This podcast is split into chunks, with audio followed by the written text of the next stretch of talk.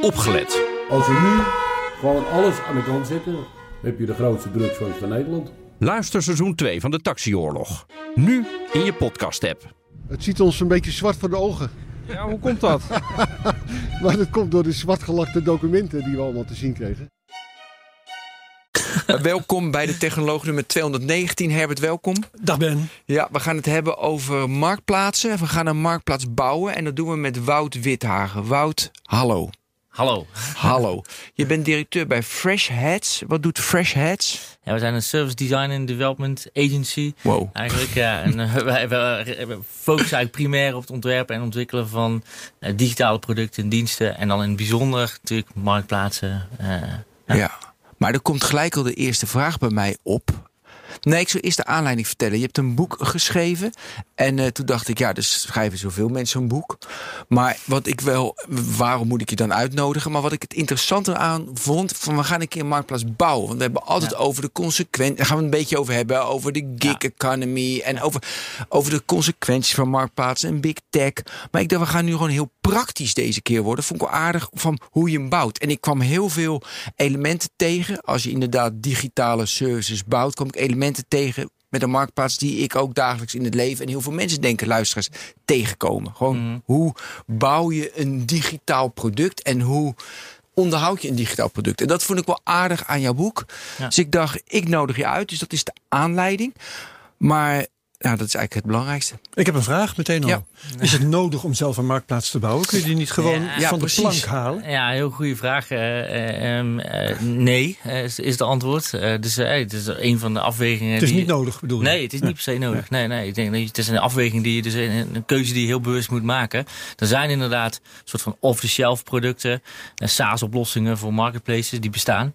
Um, en nou, het is ook, hè, maar het is ook niet iets wij pretenderen, of in pretenderen in het boek zeker niet dat je het allemaal zelf moet doen. Het is een keuze die je zelf moet maken. Maar op uh, een bepaalde, uh, uh, bepaald punt kun je wel zeggen: dit is een mooi moment om het zelf te gaan doen. Komen misschien straks. Ja, maar, ja, maar doe, nee, maar eerst deze. Want ja. deze vind ik wel belangrijk. Dan slaan we dat straks gewoon over als we hem helemaal ja, gaan ja. maken. maar eerst even wanneer wel en wanneer niet. Nou, ik denk als, je het, als, het echt, uh, als je iets wil gaan verkopen via Marketplace, hè, nou, dan heb je natuurlijk bol.com, Amazon.com, die is heel evident. Dat is gewoon, hè, dan hoef je het niet zelf ja, een Marketplace te maken. Daar ga je dan gewoon zitten. Dan ga je, ja, dan ga je daar ja. gewoon zitten. Dat, ja. dat, dat is één. Tweede is, op het moment dat jij, uh, ja, bij wijze van spreken, standaard product en dienstverlening uh, wil, wil gaan aanbieden, zeg maar. En dat uh, bijvoorbeeld met meerdere aanbieders wil gaan vermarkten via een platform, kun je dat best via starten met een SaaS-product. Nou, die, dat, die dat aanbiedt. Uh, tegelijkertijd... Noem eens namen, noem eens namen van SaaS-producten, zodat mensen uh, even wat...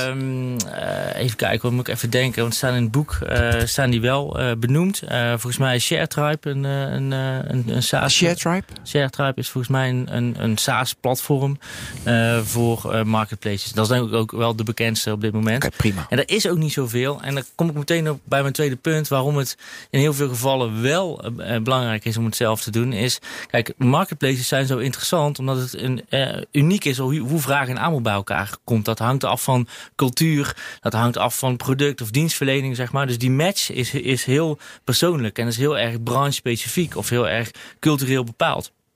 En uh, daar, daar is vaak maatwerk voor nodig. E-commerce zeg ik altijd, winkelmandje staat rechtsboven, mm -hmm. checkout staat rechtsonder. En daartussenin heb je iets van een product. En ja. de differentiator is meestal prijs.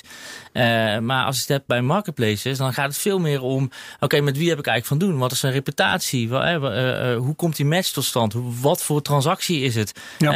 en, en daar zie je dat platformen of marketplaces, zeg maar, heel specifieke oplossingen bieden.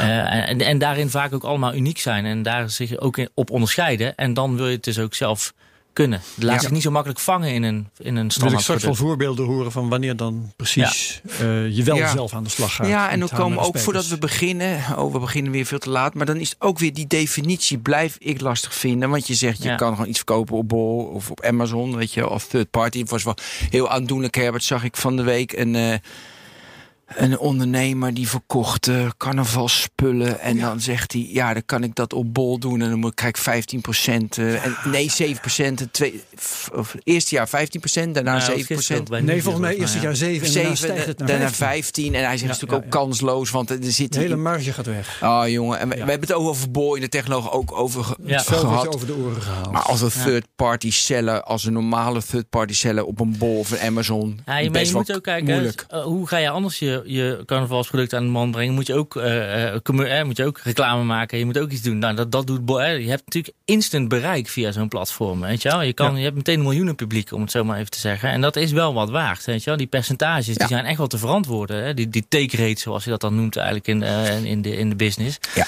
Eh, Maar we gaan het niet hebben over dat Amazon die Nee. data dan analyseert en zelf carnavalsproducten gaat doen. Daar hebben we het al ook vaak over gehad. Nee. Maar wel even dus de definitie tussen marktplaatsen, platformen of gewoon zelf een website waarop ik mijn spullen verkoop.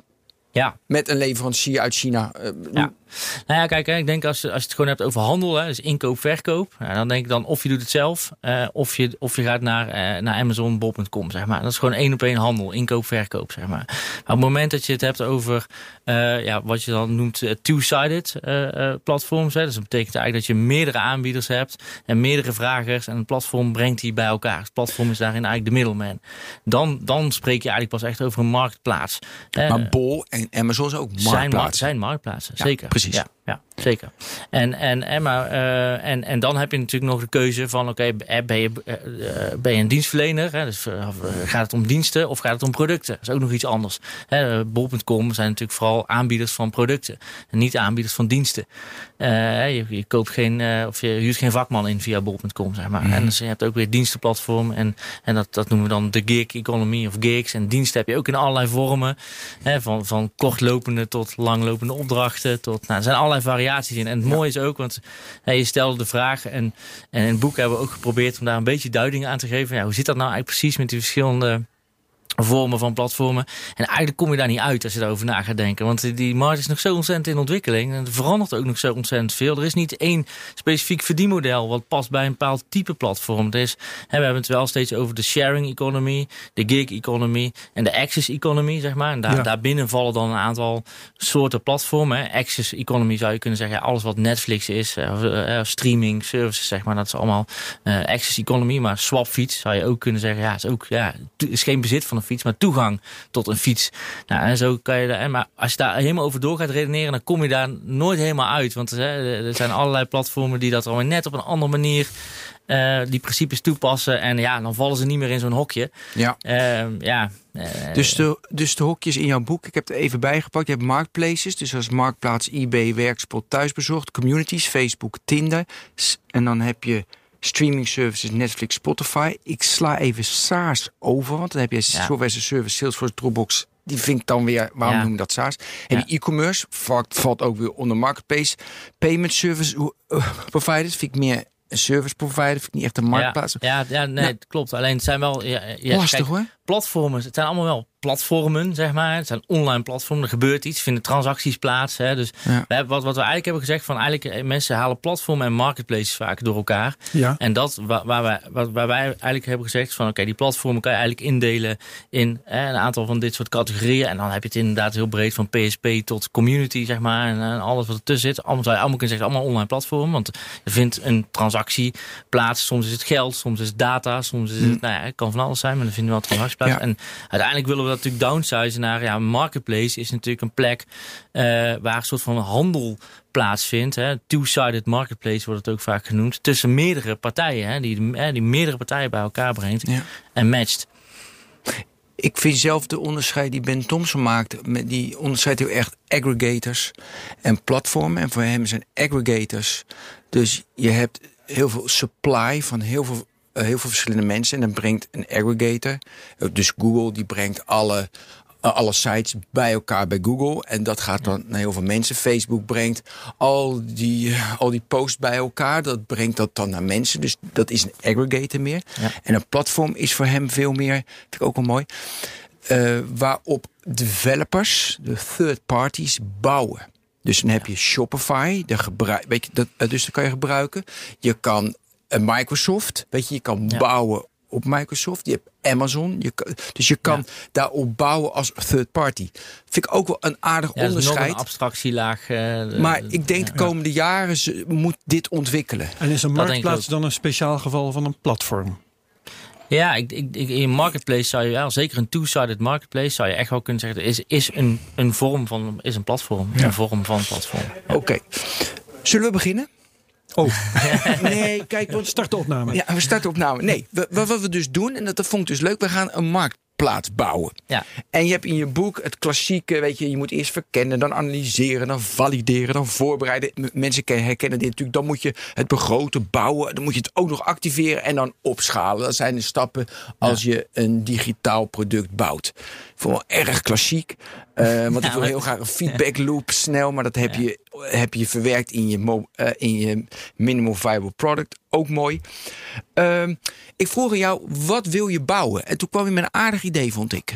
Ja, eh, wel even over nagedacht. Ik, zat, ik zit de laatste tijd ook heel erg aan de B2B kant te denken. Omdat daar nog heel veel traditionele handel plaatsvindt. Zeg maar. Alleen, je zit dan wel heel erg in allerlei niches. Hè. Ik, ik had nu bijvoorbeeld een gesprek met iemand die zit in de noten en gedroogd fruit. Zeg maar, om, en, daar, en daar een handel in op te zetten. Super interessant. Maar wel heel erg, ja, ook wel klassiek. En dat kan je digitaliseren met zo'n met zo'n platform. Ik zat ook te denken, als je nou wat groter denkt. En thema's die spelen is bijvoorbeeld verduurzamen. Hè, of eigenlijk gewoon de energietransitie, zo zou je het ook kunnen noemen. En daarbinnen valt verduurzamen van woningen, zeg maar. En als je dat dan even doorvertaalt naar een consumentenuitdaging, dan is het van ja, weet je wel, de, ga er maar aan staan, je huis verduurzamen. Er zijn heel veel vraagstukken die spelen. Volgens mij komen ze in de technologie ook wel eens op bepaalde eh, manieren eh, voorbij, zeg maar. Hoe doe je bijvoorbeeld je energie...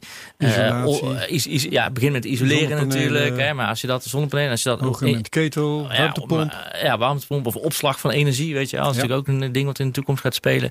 Allemaal vraagstukken waar je als ja, huiseigenaar of een bewoner zeg maar, mee te maken gaat krijgen op het moment dat je huis wil gaan verduurzamen. Nou, waar begin je? En ik zie daar ook echt wel kansen voor, en, eh, voor, voor een marketplace. Want er is ook heel veel aanbod op dat vlak. Heel veel partijen die dit doen. Ja. Ja, ja, ja als voorbeeld, Vattenval probeert dit. Ja. Ik ben lid bij Vattenval.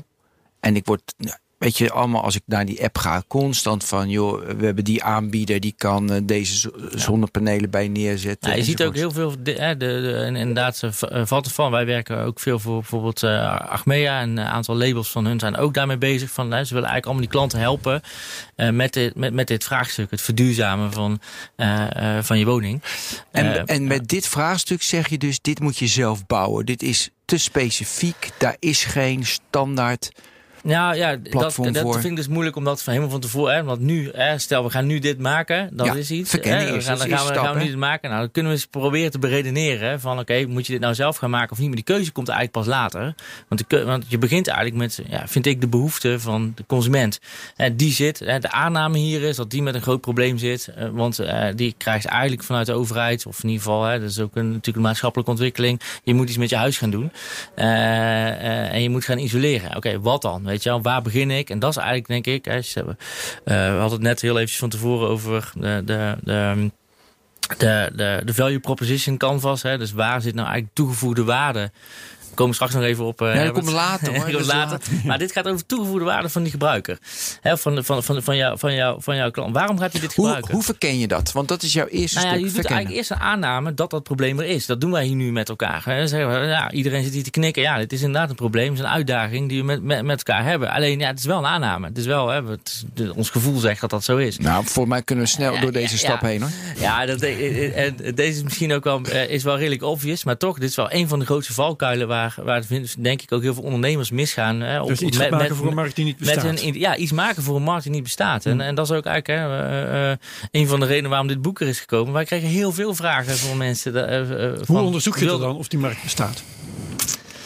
Eh, nou ja, dat, dat, hè, dat, dat, dan kom je dus eigenlijk weer. Je gaat, eh, in eerste instantie ga je gewoon je idee uitwerken. En je gaat denken, oké, dit is mijn plan, zo ga ik het. En dan ga je het valideren. Dat is je, eerste, dat is je eerste stap. Zeg maar. Dus je gaat, je gaat kijken, toetsen in de markt of die vraag er ook echt daadwerkelijk is. En dat begint misschien in eerste instantie met eh, onderzoek. Hè. Dan kan je enquêtes doen en interviews doen. En vervolgens kan je, en daar komen we ook nog op, is, is dat echt in de praktijk testen. Zeg maar. Dus eh, kijk, zo'n propositie kan je ook in de praktijk toetsen. Nou, maar bitcoins was ook een markt die, waar nou helemaal geen vraag naar was. En, eh, en Tesla ook niet.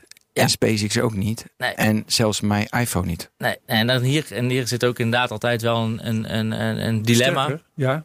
Nou ja, er zit ook een stuk onder. Ja, dus, dus, dus, Wat nou uh, verkennen? Dit is een beetje natuurlijk hè, het verhaal van Henry Ford. Uh, die, Juist, ja, die, precies. dus, die, die, oh, gelukkig, hij is weer genoemd. Ja, ja, dit is, hij kon, ja, daarom, ik noem hem toch maar weer. En nee. Philips heeft het ook eens ja. tegen mij gezegd. Hè, toen ik het had over de. Of, toen, toen de CD nog vrij nieuw was. Ik heb het dus over de jaren 80, 90. De jongens, hebben jullie toen eigenlijk wel marktonderzoek gedaan? En toen zeiden ze: nee, hoe kan je dat? Dan hadden ze gevraagd om betere langspeelplaten. Ja. ja, wat moeten wij met een digitaal glimmend ja. schijfje nergens voor nodig? Nee, klopt. Nee. Dus ik, ik denk ook wel dat je, dat je bepaalde dingen, zeg maar, echt van die fundamentele grote stappen, zeg maar, en, en in, in dit soort technologie, uh, ja, dit, daar, daar zit ook heel veel risico in, weet je wel. En dat zijn dus ook echt partijen als Apple die dat, eh, of, of Tesla die dat gewoon doen, weet je wel. En die zeggen, oké, okay, die zullen heus wel, wat, heus wel wat gesprekken voeren, maar op een gegeven moment zeggen ze, oké, okay, dit is, uh, weet je wel, hier zit nog zoveel risico in, maar we gaan het wel doen. Ja, uiteindelijk moet je daar, er zit altijd een stuk ondernemersrisico in, weet je wel. Als je gelooft in je, in je, in je eigen idee en, en in je plan, moet je het ook vooral doen. Uh, tegelijkertijd probeer zoveel mogelijk onzekerheid weg te nemen. Zeg maar. Probeer gewoon te, te toetsen van of, of, iets, of iets aanslaat, ja of nee. Het hangt natuurlijk van je product af of van je service af. Maar je verkennen en analyseren tijdspannen of je diepte of het geld dat je daarin stopt, is natuurlijk de laatste jaren verschrikkelijk afgenomen. Omdat je heel snel natuurlijk ja een minimal viable product kan maken. Je hebt morgen een pokje. Dat kan je aan vier mensen laten zien. En dan weet je van, hé, hey, je kan nu al een fake doors maken met wel of niet energie. Weet je, dat ja. heb je. Weet je, ja. dus is daar behoefte aan? Dan kan je snel testen. Ja, het, is ook veel, het is ook veel minder een consultancy business geworden in die zin ja. als meer gewoon, uh, gewoon learn by doing, weet je wel? Gewoon, en, en, en dat is eigenlijk ook... Daar vond ik dat jouw verkennen en analyseren had ik wel van... Pff, Voor mij had je het meer als inleiding in je boek dat je even neer wilde zetten. Ja, nou ja, goed. Maar ik denk wel dat het goed is om, om jezelf... Eh, nogmaals, ik denk dat heel veel ondernemers okay. er toch wel makkelijk overheen stappen. En, en te snel, dat is mijn ervaring. Hè, dus van, uh, wij willen de Airbnb voor X zijn. Of de Uber voor dat. Of de, nou, weet je, dus kunnen jullie dit maken? Dat is eigenlijk hè, dat is de vraag die je dan krijgt. Dan zeg maar, ja, wie zit hier dan op te wachten?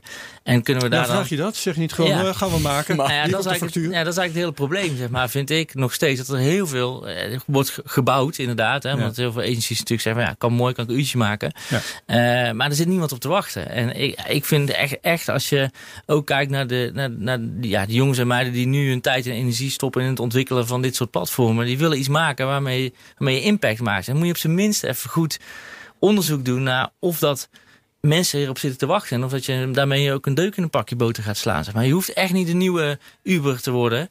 Uh, of, de, of de nieuwe Airbnb is mooi, mooie ambitie. Maar maar doe, doe op zijn minst even wat onderzoek nou, ja, op ja. de houtsnijd. Had je nu al een, tevreden, een, een tevredenheid antwoord gegeven op de vraag van Herbert hoe je dat onderzoekt? Wat is eigenlijk langs me heen gegaan? Nee, Enquêtes ja. heb ik gehoord. Nee, Enquêtes, ja, kijk, kijk, wat je eigenlijk dus dat, dat onderzoek ja. is, het zijn eigenlijk grofweg, hè, kijk, je kan enquête, gewoon interviews gaan doen, dus ga gewoon praten interviews. met je klant. Hè. Ga Ah, nou, hè, dus op het moment dat we het hebben over verduurzamen, ga eens met die consument praten. Is dat echt een probleem wat hij ervaart? Waar loopt hij tegenaan? En ga dan niet je oplossing voorleggen, want dat is ook de grootste, meest gemaakte fout van, kijk, dit, zijn, dit is het platform, dit, en zou je dat gebruiken? Ja, dan is het natuurlijk, iedereen zegt ja. Sociaal of, gewenst antwoord. Precies, dan krijg je sociaal gewenst antwoord.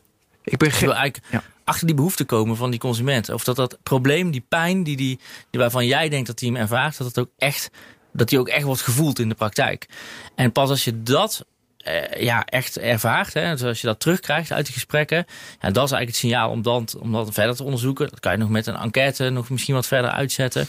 En uiteindelijk, ja, de proof of the pudding is in the eating, maak je zo snel mogelijk een proof of concept. Maak zo snel mogelijk een landingspage waarin je uitlegt wat je, wat je doet. En liefst ook nog eentje waar, je, waar die consument op betaalt. Hè, zodat je ook weet, die transactie eh, is bereid om ook nog iets te betalen hiervoor. Ja. En dan heb je een gevalideerde propositie. Ja. Ja, maar nu ga je wel rap, hè? Want we moeten Ja. eerst verkennen. Ja. In dat Ja. verkennen wil ik nog heel graag, eh, want ik ben gek op verdienmodellen. Ja. Je zegt abonnementsmodel of transactiemodel. Ja. Ja. Kan je, daar verder nog iets Ja, dat, dat, zeggen? dat is ook een keuze. Vaak maken die pas later. Hè? Maar je ziet eigenlijk wel dat, dat je... eh, ja, ik, ik, daarvoor heb ik nog over vraag gestuurd en aanbod, en aanbod gestuurd. Hè? Dus van ga je het vanuit... eh, is het een vraaggestuurd platform? Heb bijvoorbeeld Werkspot als voorbeeld. Jij wil iets verbouwen en andere mensen gaan erop reageren. Hè? Dus vraag gestuurd. Jij stelt de vraag. Je krijgt aanbod komt naar je toe. Maar we hebben ook voorbeelden van bijvoorbeeld een platform. Dat is een, een, een, eh, een platform voor armoedebestrijding. Waar juist bewust het aanbod rond wordt gestuurd naar members. Je moet zoals voedselbank voor diensten, zo moet je het eigenlijk zien. Het is landelijk actief, van Groningen tot Maastricht. Ondernemers bieden een etentje aan of een nou, van allerlei dat soort. Hè, een keer naar de kapper of wat dan ook. En dat, dan zou je kunnen zeggen, dat maak vraag gestuurd. Hè, want uh, kijk, als jij naar de kapper wil, dan heb ik hier een kapper die jou wil knippen. Hartstikke mooi. Alleen, uh, het probleem daarvan is, moet je aan profiling doen. Dus je moet van die members helemaal bijhouden van waar zij behoefte aan hebben om dat goed te kunnen matchen. Mm -hmm. En het tweede is, als je het aanbod gedreven maakt, dan voelt het alsof je echt iets krijgt. Zeg maar. Gewoon in de schoot geworpen. Van hier heb je maar geef eens een voorbeeld van aanbod gestuurd. Want nou, naar mijn is idee. een voorbeeld van aanbod gestuurd. Hè, dat quiet is, is aanbod gestuurd. Dus wij sturen het aanbod naar die members toe. Dus je krijgt gewoon letterlijk iedere week een mailtje waar je uit kan kiezen. Je mag naar de kapper, je mag naar, uh, naar een pretpark, uh, je mag uh, naar een restaurant. En dus dan krijg je het echt. En dat is ook een emotioneel een andere vorm dan wanneer het vraag gestuurd is. De meeste marketplaces zijn vraag. Alleen, ja, daarom ja, in mijn ja. perceptie is het vraag gestuurd. Want je zorgt dat de vraag een tien is. Dus om iets toch onbewust in sommige gevallen over na te denken of je iets dus aanbod gedreven maakt. En dat is eigenlijk wat ik ermee wil zeggen. Dat is een goede. is wel een keuze. Ja, want kijk, wat ik als je namelijk de vraag heel erg heftig maakt, dan kan je namelijk als platform kan je het aanbod kan je ja een commodity van maken. Weet je? Als, ja. Dus ja, en dan kan je zelfs artsen, tandartsen, kan je een commodity van maken. Want ja, of je nou tandarts A, B of C. Ja. Weet je, ik weet precies. Uh, uh, dus deze kies moet worden getrokken. Ja. Dus dat is het gevaar voor heel veel supply, voor heel veel aanbod. Dat je ja gewoon. Ja, dat het commodity wordt dan. Dat het commodity wordt. Ja. Dus dat vragen stuurt, zeg jij, dan heb je een platform. Is dat niet gewoon een aanbodsite? Waarbij mooie vraag is en dat push je dan naar die paar gebruikers. Oké, okay, als dat een marktplaats is, ook goed. Ja, dit is een omgekeerde, het is in die zin een soort omgekeerde ja. marktplaats, zeg maar. Ja. Ja. Oké, okay, um, je abonnementsmodel? Of, ja, abonnementsmodel of, of, of, of transactie. transactiemodel. Wanneer wat? Um, ja, kijk, in de praktijk hebben wij gezien dat vaak bijvoorbeeld starten... Kijk, uiteindelijk een marketplace is, gaat om transacties. Hè? Dus een transactioneel model is eigenlijk, als je het kijkt van waar de waarde moet zitten, is op de transactie, logischerwijs. Alleen om te starten is dat soms best wel lastig, want je hebt veel. Hè? Sommige marketplaces hebben bijvoorbeeld de waarde van een transactie is heel laag. Dus heb je enorm veel volume nodig om daar, als je, als je al pak je maar al pak je 10%. Ja, nee, maar een gemiddelde transactiewaarde is, wij spreken 10 euro. Ja, dan moet je heel veel eurotjes, uh, heel veel transacties hebben, wil je daar een beetje euro's aan verdienen. Um, dus dan kan het, en dat deden we bijvoorbeeld bij Werkspot, uh, zijn we begonnen met een abonnementenmodel. He, dus hebben we die vakmannen, die betaalden gewoon een vast bedrag per maand om te mogen reageren. Ah, de aanbieders betalen dan een abonnement? Vaak wel, ja, ja. Maar het kan ook zijn natuurlijk dat het voor de consument zo interessant is om toegang te hebben tot het aanbod. Of voor de consument of voor de, nou ja, goed, de vraag de, de partij, de klant, zeg maar. Dat het ook interessant is om te betalen. Of okay. combinaties van, de, van die modellen zie je ook wel. Uh, dus het is eigenlijk, eigenlijk altijd wel een, of een abonnementsmodel of transactioneel. Het hangt waarschijnlijk in, van het soort product af. Want uh, laten we even zeggen, uh, een, een, een, een verbouwing of zo. Ik zoek een aannemer. Ja, dat doe ik één keer. Daar ga ja. ik geen abonnement voor betalen. Nee, de nee, aannemer precies. aan de andere kant, die wil elke keer weer zijn diensten verkopen. Dus die komt dan meer in aanmerking. Ja, dus, daar, dus daar vinden. En, en, het, en het is vaak ook wel, zeker als start-up bijvoorbeeld, om je runway langer te maken, kan een abonnementsmodel natuurlijk heel interessant zijn. Want je hebt, ja, je hebt redelijk voorspelbare inkomsten, zeg maar, in, in het begin. Tegelijkertijd is het ja. altijd wel interessant om natuurlijk zo snel mogelijk wel, vind, ja, mijn, mijn mening is om naar een transactioneel model te gaan. Omdat daar ja, bij, bij platformen uh, daar gaat het uiteindelijk om. Het gaat om de match en de transactie en het faciliteren ja. daarvan. En vertrouwen, snelheid, gemak. Daar zit de toegevoegde waarde van een platform. Ja. Uh, dus daar mag je het ook op verdienen. Zeg maar. Oké, okay, we waren bezig met uh, verduurzaming van je woning, een platform. we hebben verkend dat er heel veel mensen daar behoefte aan hebben. En we hebben ook verkend dat er heel veel zonnepaneelbouwers, isolatiemakers, thuisbatterijmakers, dat die allemaal ook het aanbod willen doen. Ja? ja. Daar gaan we naar analyseren. Dat hebben we toch bij het verkennen gedaan, maar in je boek ga je daarna analyseren. Ja. Um, uh. Ik had vooral eruit gehaald, dus op een gegeven moment kan, daar hebben we het al een beetje over gehad, kan ik geld verdienen, verdienen met, mijn, uh, met mijn idee.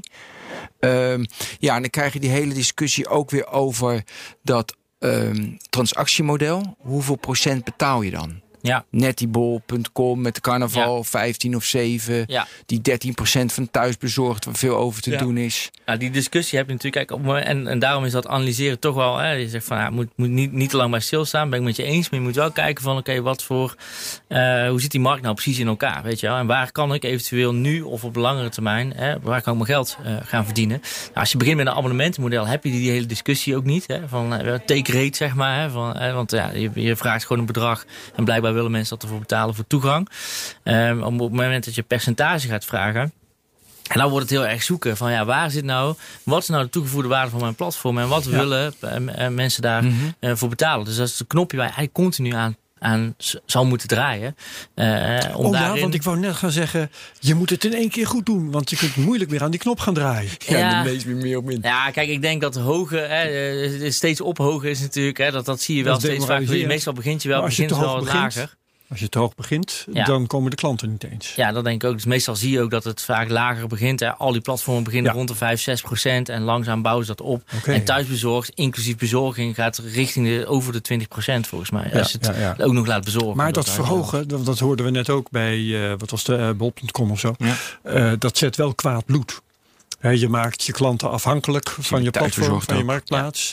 En dan ga je aan die knop Ja. draaien. Nou, dat vinden ze niet leuk. Ja, ja, absoluut. En ik denk ook, hè, je, je creëert ook een enorme afhankelijkheid. Hè, van, eh, er zijn twee manieren waarop die afhankelijkheid wordt gecreëerd. Enerzijds natuurlijk alle business via, via het platform. Ze, ze kunnen niet zonder thuisbezorgd. Je kan niet zonder bol.com, zeg maar. En dus eh, eh, ontstaat al snel het gevoel van ja, als jullie de marge verhogen, zeg maar, ik kan geen kant op, zeg maar. Ja. Dus je, wordt in een, je zit in een En squeeze. ben jij het ermee eens dat als je de behoefte krijgt om aan die knop te draaien, dat je dan misschien beter kunt proberen je markt te vergroten dan je tarief te verhogen? it, Ehm, Stel dat ja, en dat zie je eigenlijk ook hè, eh, bij, eh, bij, bij, bij thuisbezorgers. Hè. Bij, hè, dus het is echt een winner takes it all markt, noemen ze dat dan binnen, binnen marketplaces. Ja. Dus daar is gewoon de, hè, de, de filosofie is, en ik, ja, daar kun je van alles van vinden, maar de grootste wint, zeg maar. En, hè, want daar, je zit bij die, in, in, de consument, eh, in de broekzak van die consument, je pakt thuisbezorgd, dan is het makkelijkst, daar zit alles in. Ehm, je ziet daar ook alweer heel veel ruimte ontstaan voor juist andere spelers. Hè, die zeggen wij doen het anders of voor minder. Ik vind een heel mooi recent voorbeeld Beter Boeken. Hè, dus, eh, het alternatief voor Booking.com. Eh, die, die hebben 2 miljoen opgehaald eh, met, een, met een crowdfunding eind vorig jaar. En die zijn eigenlijk eh, in de bres gesprongen toen Boeken. Beterboeken? Beterboeken.nl, ja. Of .com denk ik, weet ik moet even kijken. Ehm, en, en die hebben natuurlijk, ja, de, eh, in het begin van de, van de coronacrisis eh, kreeg Booking.com natuurlijk flink staatssteun. Er is heel veel natuurlijk reactie op gekomen, eh, negatief. En deze jongens en meiden zijn opgestaan en die hebben eigenlijk gezegd van joh, we gaan, het- we gaan een alternatief bieden voor Booking.com met eerlijkere tarieven en ook gewoon een heel een, een eerlijker businessmodel, zeg maar. En dus je ziet eigenlijk dat op het moment dat je dat, dat dit soort partijen te ver gaat, dan dit vind ik een heel mooie manier waarop Ja. je ziet dat de markt zichzelf ook weer gaat corrigeren, omdat, omdat er gewoon te veel macht is. En, eh, En, en werkt dat ook? Want de poging snap ik, maar de markt cor- corrigeert zich Ja, pas als dat ook succes heeft. Nou, tot, tot op heden zie je nog maar weinig, hè, daar moet ik ook heel eerlijk in zijn, zie, je, zie je nog maar weinig eh, resultaat van, van die correcties. Het, het, is al heel vaak geprobeerd om thuisbezorgd bijvoorbeeld altern- lokale alternatieven voor het is niet voor thuisbezorgd niks eh, dat winner takes all, want je hebt net netwerkeffect.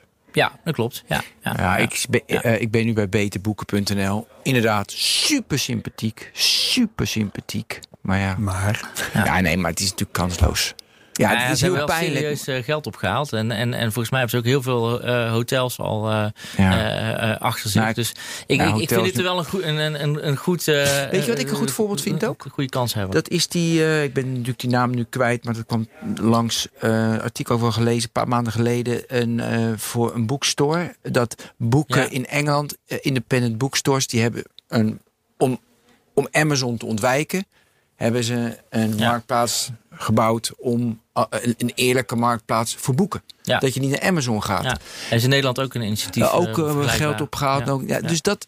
Nou ja, ook heel moeilijk voor Maar ze. heel moeilijk, ja. En volgens mij is dat initiatief in Nederland heeft het ook niet gered. Of, eh, of ja, is in ieder geval nog niet zo. Koop eh, nee, nog geen serieus, nog geen serieus alternatief. Dus maar het, het geeft wel aan dat hè, op het moment dat je dus te ver gaat. Hè, en, en die take rate wordt Ja, te groot, het. zeg maar. Dan, dan gaat die markt wel in beweging komen van, met, met alternatieven. Ja. Ehm, Ja, de, de, de- vraag die we in het boek proberen te beantwoorden: van ja, kan ik nou geld verdienen met mijn idee? Ja, dat betekent wel, en als we het dan even weer terughalen naar onze case, verduurzamen. eh, dan moet je heel goed snappen van oké, wat zijn nou bijvoorbeeld de marges in die, in, in, in, in, in die business, zeg maar. En, welkste, en, en waar zit de pijn? En als ik die wegneem, ja, heb ik dan genoeg toegevoegde waarde om daar ook wat eh, aan te kunnen verdienen. En dat is denk ik een sommetje wat je alleen maar kan maken door je heel goed te verdiepen in, eh, in, die, in die huidige markt, zeg maar. Want je gaat daar wel, je gaat tussen een markt zitten die er al is natuurlijk. hè. En je gaat, je gaat je tussen transacties wringen die er al, die al plaatsvinden. Ja. En daar ga je proberen het allemaal net iets makkelijker, leuker, beter, soepeler te laten verlopen. Eerlijker misschien ook wel, als dat je ambitie Ja. is. Eh, en daar ga je dan wel, maar daar ga je wel een stukje marge voor, eh, voor vragen, zeg maar. Ja, dan moet je wel heel goed weten. Ja. eh, Uh, om die- dit gedeelte af te ronden wil ik graag even uit je boek ci- ci- citeren. Prachtig citaat. Een klant bestelt een pizza bij mij, dat is 7 euro. Thuisbezorgd stuurt de bestelling digitaal door naar mijn zaak. That's all. Daarvoor betaal ik 1 euro en 4 cent aan thuisbezorg. Ik moet, ik moet de ingrediënten kopen, de pizza's bakken, apparatuur afschrijven, de huur van mijn zaak betalen. Net als de scooters, benzine, het onderhoud Ja. en de bezorger. Ja. Mooi. Ja, maar de- waar die man natuurlijk aan voorbij gaat, is dat, hij, dat hij, hij, hij begint, die klant bestelt een pizza bij thuisbezorgd. Of eh, die klant bestelt een pizza bij mij. Dat, dat doet hij niet. Ja, omdat hij die man zo, zo, zo, zo leuk vindt. En daar zit, daar zit marketing. En, en ja, tien, Ja, ja, je nee, kan best ik. zeggen dat die, die kosten daarvoor. Ja. Ja, dat is logisch dat je dat dan, dat dat dan via Ja, thuisbezorgd dat gaat. Ergens is het ook alweer verklaarbaar. Hij mist wel, Ja. een, eh, hij, hij is verantwoording. Ja, voor de het is je customer acquisition cost. Dat Ja. is het eigenlijk. Ja. En dat is dus Ja. een euro. Nou, oké. Ja, En, en, kom dat je is best reëel, weet je wel. Ja. Op een pizza zou je zeggen. Maar ja, dat... eh, Het voelt niet goed, dat is een beetje. Ja, dat is apart. Ja, ja dat, dat is, dat is het ook, weet je wel. En, en, en ehm, ik denk dat het platform zich daar altijd heel erg bewust van moet zijn. Van die rol. Ook, ook eh, eh, dus inderdaad dat het nog leuk moet blijven voor die ondernemers. eh, Het moet aan twee kanten. Ja, het moet, eh, In de technoloog hebben we het nog nooit gehad over de value proposition canvas. En eh, wel over de business model canvas, maar die wil ik niet behandelen. Die staat ook in je boek, maar die wil ik niet behandelen, want die vind ik te oud. En, die, Ja. en dat weten we nu wel. Maar ik vind het wel leuk als je iets vertelt over, en dat zit in het hoofdstuk dus analyseren. Iets vertelt over de value proposition canvas. Wordt heel veel gebruikt. Bijna Ja. ieder nieuw digitaal product, die wordt er weer bijgehaald. ja. En ik vind het wel aardig dat mensen die daar nooit mee hebben gewerkt of wel hebben gewerkt, jouw kijk erop. Ja, ja, ik denk dat je het, eh, het, is een, het is een onderdeeltje inderdaad van het Business Model Canvas. En het is eigenlijk later gekomen. Vijf jaar nadat eh, dat Business Model Canvas was, hebben ze dat, heeft eh, die uh, Osterwalder dit bedacht. En eigenlijk ook omdat dat, dit gewoon veel compacter is. Van, en je heel snel dwingt om te kijken, waar zit nou de behoefte eh, van mijn gebruiker en hoe ga ik die behoefte invullen. Hè? Hoe, dus de, ehm, en hij noemt dat dan eh, natuurlijk de pains en de gains, zeg maar. En, en de pains zijn dan vooral, en het begint natuurlijk altijd bij de pain, weet je wel. Dus eh, heel duidelijk scherp in kaart brengen. Als wij het nu hebben bijvoorbeeld over verduurzamen van woningen Ja. bij consumenten, was dan echt de pijn die die consument ervaart. Zeg Nou. Herbert, wat is echt je pijn om je huis nog meer te verduurzamen dan je nu al hebt gedaan? Dat ik niet weet wie wat aanbiedt. Wat, wat de mogelijkheden zijn om het te verbeteren, sowieso. Maar ook wie dan de aanbieders daarvan zijn. Want ik zit altijd, zonnepanelen, dat heb ik ooit gedaan. Maar ja, je gaat maar wat googlen. en Je, gaat, je vindt eh, wat leveranciers. En je hebt geen Betrouwbare idee- informatie, dat Je hebt geen Ja. idee wie, wie betrouwbaar is, eh, wie goed is, eh, wie, of, of, of een aanbieder die product, hè, die komt met zonnepanelen aan, maar waar komen die vandaan? Ja. Wat is hun vakkennis? Pff, eh, je hebt geen idee. Dus je, wij hebben toen met die zonnepanelen bijvoorbeeld, we hebben geloof ik van drie, vier partijen offerte gevraagd. En dan krijg je langzamerhand wel een idee. Maar het kost heel veel tijd en energie. Ja, het kost heel veel tijd en energie. Dat vergelijken kost heel veel tijd en energie bijvoorbeeld. Ja. Ja. En vaak denk je als het allemaal geïnstalleerd is, passen. Oké, zo had ik het moeten doen. Ja. Maar voorlopig doe ik het nooit meer. Want En, wat, en, wat zou, en als, je dan, als je daarover nadenkt, wat, zou, wat had jou geholpen? Eh, dan, eh, Ehm, ja, het is een be- beetje, beetje het voor de hand liggende antwoord. Maar eh, eh, wetend, weten wat een betrouwbare club is. Ja. Die al die kennis in huis heeft en die helpt. ja, en wat zijn... En dan, kijk, eh, waar je dan als, als consument snel aan denkt, is de consument, consumentenbond bijvoorbeeld. Dus dan ga je eens Ja. kijken of die soms wat onderzocht hebben. Ja. Dus dat is dan een uitweg. Ja. Maar als het gaat om het, het opknappen van je huis als geheel, hè, in, Mhm. in eh, het verduurzamen van je huis als geheel, dan is dat toch niet helemaal de aangewezen instantie. Omdat die, die doen nog veel meer andere dingen en zijn eigenlijk te weinig gespecialiseerd in dat soort vraagstukken. Ja, en, en, en jij hebt het hier nu specifiek over zonnepanelen, hè, maar het verduurzamen van je huis is natuurlijk, en daar kan je ook integraal. Jij hebt al besloten Ja. dat je zonnepanelen wil, maar je kan er ook hè, nog wat abstracter naar kijken. En, en, en ja, ik moet verduurzamen, waar begin ik met de warmtepomp? En je, hebt, je hoort allerlei dingen, maar waar begin ik? Nou, je hebt hier nu, noem je al, hè, heel wat eh, pijn, paints noem je dat dan. En die Zeker. vul je dan eigenlijk in, in, dat, in dat canvas, zeg maar. eh, dan aan de rechterzijde. En de gains, eh, daar vroeg ik net al even naar. Wat zijn dan de dingen die jou daarbij zouden helpen om die, om die pijn te verzachten? Of om het zelfs op te lossen, zeg maar. Ehm, en eh, wat je ook nog schrijft aan de rechterkant. Hè, want dat canvas bestaat uit twee delen. Een rechterdeel en, een- en een linkerdeel. En links schrijf je eigenlijk alles op wat, wat die consument moet doen. Hè, dus je hebt een taakje, je huis verduurzamen. Eh, nou, vervolgens loop je tegen allerlei problemen aan. En dat zijn jouw pains, weet je wel. Dus eh, die heb je net genoemd. En vervolgens heb je ook nog van, nou, als, dit, als die pains zouden weggenomen kunnen worden... als dit en dit en dit voor mij geregeld zou worden, zeg maar. Dat is eigenlijk de rechterkant van dat, van dat canvas. En daarmee, daarvoor moet je dus even heel goed verplaatsen in eh die consument, eindgebruiker, eh, jouw doelgroep. Het helpt ook om dan bijvoorbeeld persona's te maken... Hè, of eh, om die, die doelgroep wat beter in kaart te brengen. Nou, en dan vervolgens ga je naar, naar de rechterkant. Ja, eigenlijk is dat dan, en het klinkt een beetje plat, een invuloefening. Is van, ja, dan ga je, dat is jouw product. Jij gaat daarmee ga jij oplossingen bieden voor al die, eh, voor, voor, voor al die pains, zeg maar. En, je gaat, en dat zijn, die oplossingen zijn de gains, zeg maar. Hè? Dat is hetgeen waar jij blij van wordt. Ja. Dat, ga je, dat ga je maken. Dat ga je faciliteren met een digitaal product of dienst. Nou, dan, dan moet je wel heel goed, hè, want het lijkt heel makkelijk. Zo'n invuloefeningetje aan twee kanten. En als het in balans is, ben ik klaar. Maar het komt natuurlijk vaak wel op neer dat je echt, die echte problemen rondom verduurzamen, eh, die zijn heel complex. Hè, dus bijvoorbeeld als je het hebt over, ik, daarom voel ik al net een beetje naar de abstractie. Kijk, eh abstractielevel. Kijk, zonnepanelen is gewoon vergelijken van leveranciers. Hè, dan zou je kunnen zeggen, oké, ik maak een vraag en aanbodplatform voor zonnepanelen in installateurs. Eh, en nou, die kan ik dan vergelijken op prijs, op kwaliteit, op referenties, op Mhm. eh, nou, echt de, de, de usual dingen die je in, in zo'n platform zou verwachten. Zeg maar. Maar als je, als je verduurzaam wat, wat, wat, wat complexer maakt, dan, dan heeft het ook te maken met isoleren. Want ja, zonnepanelen heeft niet en een warmtepomp heeft geen zin als je huis niet geïsoleerd is. Of als je eigenlijk wil je een soort van plan hebben, zeg maar. Dan wordt het weer een heel ander vraagstuk. Ja. En van ja, hoe zorg je ervoor? En, en een plan wat je gaat uitvoeren om. En je hebt financiering nodig. En er zijn ook subsidies. Eh, eh, eh, dus la- la- nou, probeer, probeer dat maar samen te laten komen, zeg maar, in, in een platform, in een service. Die echt belooft, die, die doet wat het belooft. Zeg maar. Want dat is ook nog vaak een heel groot verschil. Hè? Van je weet dan wel waar, wat die consument eigenlijk wil, maar om dat dan echt daad, daadwerkelijk voor elkaar te krijgen in een platform als digitale dienst, zeg maar, dat kan heel complex zijn, om- omdat, eh, omdat daar heel veel bij komt kijken. Niet alleen technisch, maar ook Ja, vooral ik. partners die samen moeten werken, et cetera. Ik heb een vraag tussendoor die oppopt. Doe, hier heb je al vaak over nagedacht dat er zo'n marktplaats moet komen voor duurzaamheid om je huis te verduurzamen. Ehm, wat als je nu gewoon een bolpark, wat kost dat om zo'n platform te maken? En wat is die business case? Hoe snel is dat eruit? Want ik dacht even aan Vattenval die dat probeert, weet je wel? Maar Mhm. Ja. vertrouw ik Vattenval voldoende dat ze Ja. onafhankelijk mij goed advies geven? Dat is de hele Ja, tijd kijk, ook hè, want zij, zijn, zij verkopen energie en Daarom, tegelijkertijd gaan doe ze jou dus- helpen om minder energie te verbruiken. Ja, Eh, of, eh, apart. eh, Maar wat kun je een bol pakken als je dat gewoon bouwt? En dan denk ik even aan wat werkspot kost of PRB. Want daar ben je allemaal bij betrokken geweest. Ja, nou, PRB niet, maar eh, Wer- Werkspot wel en Young Ones inderdaad. Oh ja, Van- Young van Ones heb je van gedaan. Young Capital, ja. Ehm, nee, ja, kijk, ehm, eh, ja, wat, wat, ja, wat kost het om zo'n platform neer te zetten? Nou, je kan gewoon Ja, vertellen wat we. Weet je, was de eerste versie een half miljoen of een miljoen? Nee, nee, nee. Ik denk dat je. Ik, ik denk, je je praat eerder in, in tonnen, zeg maar. Of een paar ton, één, twee ton misschien, om een eerste versie neer te zetten. Ja. En dan heb je echt al een Young Ones-achtig platform, zeg maar, eh, rond die, rond die koers. En of je dat snel terugverdient hangt natuurlijk heel erg af van. Het soort product eh, en diensten Ja, waar je uiteraard. eh, je- over gaat. En Ja. het transactiemodel. Ja, en ik denk ook, voordat je, dat, voordat je die investering gaat doen, ga je eerst misschien nog 10, 20, 30k investeren Ja, in, in zo'n validatie. Snap je? En, en dat Ja. doe je stapje voor stapje. voordat Nou ja, echt, dat is wel eh, mooi, want dan komen we zo bij het derde. En we hebben er acht, hè?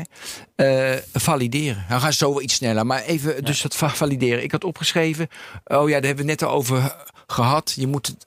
Je moet het va- valideren, maar dan kom ik altijd met mijn vaste voorbeelden. Met mijn smart, Apple smartwatch, Ja. Die, die is ook niet gevalideerd. En ik, ik las van de week hon- 100 miljoen nu verkocht. Ja, ja. Jongen, jongen, jongen. 100 En je koopt ook miljoen. steeds weer nieuwe. Dat is 21ste eeuw. Dat is toch gek hebben. 100 miljoen van die dingen alweer En ze verkocht. gingen moeilijk in het begin. Hè? Ik heb nog een keer, even tussendoor. Ja, dat is leuk tussendoor. Ik heb een keer een, een foto gemaakt. Ik was met mijn vrouw, eh, eh, waren we gaan winkelen in Oberhausen. Het slaat helemaal nergens op, maar we waren daar toevallig. En eh, een of andere mall aan de rand van de stad.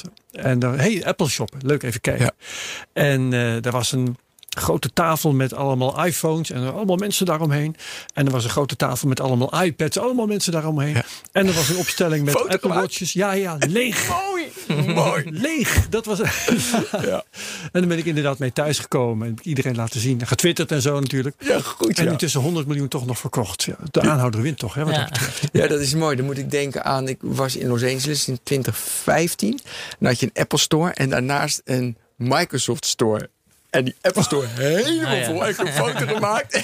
en, die, weet je, en de Xbox en de oh, hip. Die ging Microsoft ook hip doen. Dus naast Apple zitten. Niemand. Ja, ja, ja. Nou, ja, dat is ja. zo grappig. Dat Ja, ze me oh, HoloLens natuurlijk. Dus was iets Ja, later. En toen hadden ze ook, ook nog eens een keertje een video gemaakt. eh, dat ging over de Microsoft Store in het algemeen. En waren allemaal Microsoft eh, mensjes en die dan gingen dan een dansje doen en Ja, zo. Dat was zo pijnlijk.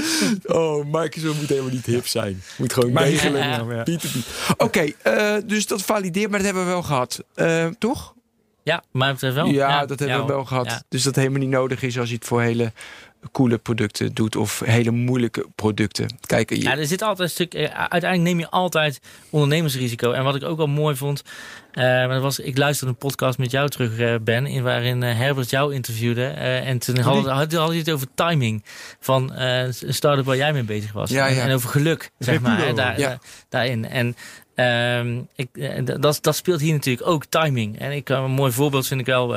had net al even over Young Ones van Young Capital. En zij zagen natuurlijk, Young Capital zag ook temper opkomen. En dacht van, weet je wij moeten ook die markt van freelance, hè, van de gig economy, zeg maar, daar willen wij ook een speler in zijn.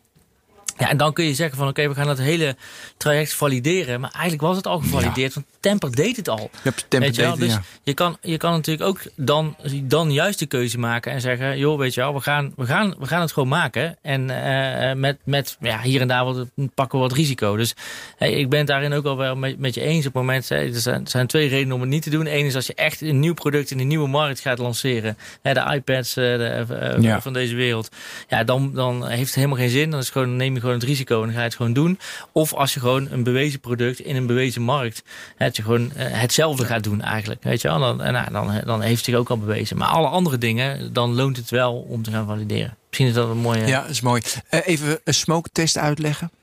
Is altijd leuk. Ja, dat is eigenlijk de volgende stap, of een, een stapje in het valideren. Ehm, ehm, eh, en en, en dat, is, dat is natuurlijk het echt praktisch maken. Ik zeg altijd, wij, doen geen wetenschappelijk onderzoek of geen wetenschappelijke experimenten. Maar natuurlijk het beste is natuurlijk als je gewoon een prototype van je, van je product gaat maken. zowel aan de vraag als aan de aanbodkant. Ehm, Waarin je gaat kijken of je die klant kan bereiken. Hè, dus via welke kanalen, hè, dus welke marketingkanalen zet ik in om die klant eh, eh, eh, eh, eh, ja, op mijn pagina te laten landen en met welke boodschap. En liefst ook nog te valideren of er een transactie plaatsvindt. Eh, hè, van, gaat dat dan, hapt hij dan eigenlijk ook op die op, op, op mijn verhaal? Wil die klant worden eigenlijk, zeg maar? Wil die het gaan gebruiken? En wij, wij noemen dat dan een smoke test. Dus dan, dan, dan zetten we eigenlijk een, gewoon een hele fake eh, service neer. Eh, we hebben dat wel eens gedaan, ook bijvoorbeeld met telefoonreparatiedienst, zeg maar. Een soort vraag- en aanbodplatform voor telefoonreparaties. Eh, nou, dan zet je gewoon die service zet je gewoon op. Je maakt een landingspage en je activeert het, zeg maar, gewoon via social media. En vervolgens zeg je tegen de klant, als hij heel door de funnel is, van ja, sorry, het bestaat nog niet. Ja, Eh, zit je ze mooi te bedonderen. eh, maar je krijgt wel 10% korting bijvoorbeeld om je telefoon bij die en die reparateur eh, te, la- te laten maken. Want ja, dit is wel goed. als je al je gegevens achterlaat, Ja, ja, ja, ja, ja. Je moet natuurlijk, ja. ja. krijg je 100 euro. Je Maak je kans op een iPad. Maak je Ja. kans Maak je op kans een op- nee, nee. Oh, wat een boeven zo allemaal dit. Nee, maar nee, dit is, nee wat, wat, wat wij deden was wel echt, je wil je, wil je, wil je telefoon laten maken. hè? Dus, ik ben en, en, serieus. en, en dan, eh, eh, en, en dan 10% korting is mooi meegenomen, denk ik. Ja. Ehm, dus eh, ik denk, hè, dat- eh, dat is een hele goede manier om gewoon die waardepropositie, hè, om die te toetsen. En dat doe je natuurlijk aan twee kanten, want je hebt de vraagkant en je hebt de aanbodkant. En in principe kun je, op, kun je allebei die kanten op die manier eh, toetsen en kijken of dat, of dat werkt. En dan weet je echt zeker of, hè, of het gaat vliegen. Maar je kan ook allerlei data verzamelen. Bijvoorbeeld, wat kost het eigenlijk om, om, zo, om iemand door zo'n funnel heen te krijgen en die transacties te laten plaatsvinden. Hoeveel media kosten, hoeveel eh, spend heb je dan uitgegeven zeg maar, voor zo'n transactie. En dan weet je ook een beetje wat het kost als je gaat opschalen. Zeg maar. En wel, want je hebt nog geen netwerkeffect. En dat zul je toch in eerste instantie zelf aan moeten jagen. En dan is ja, wat je dan noemt pay for performance, zeg maar. Dus gewoon betaalde uh, uh, advertenties of media of, uh, is, dan, is dan the way to go. En ja. om op te schalen wil je wel weten ongeveer wat die kosten gaan zijn. Dus dit zijn allemaal informatie die je ook al in deze fase gaat verzamelen. Ja, en we waren bij de marktplaats voor je woning ja. energie. Nou ja, vertaal dat dan eens door. Hè? Dus als je, als, je, als, je nu, als je nu zegt van oké, ik ga allerlei aanbieders op het gebied van verduurzamen, uh, die, die, die, die, uh, die wil ik bereiken. Nou, dan zou je kunnen zeggen van ik ga een, uh, ik ga een, een landing space maken voor alle partijen die iets doen met, met, met verduurzamen. En ik ga proberen om ze bijvoorbeeld te converteren naar, op een abonnementenmodelletje, zodat, ze, zodat zij ja, al die vragen krijgen. Een soort lead, hè? Een, soort, een ja. soort van lead model. Zeg maar.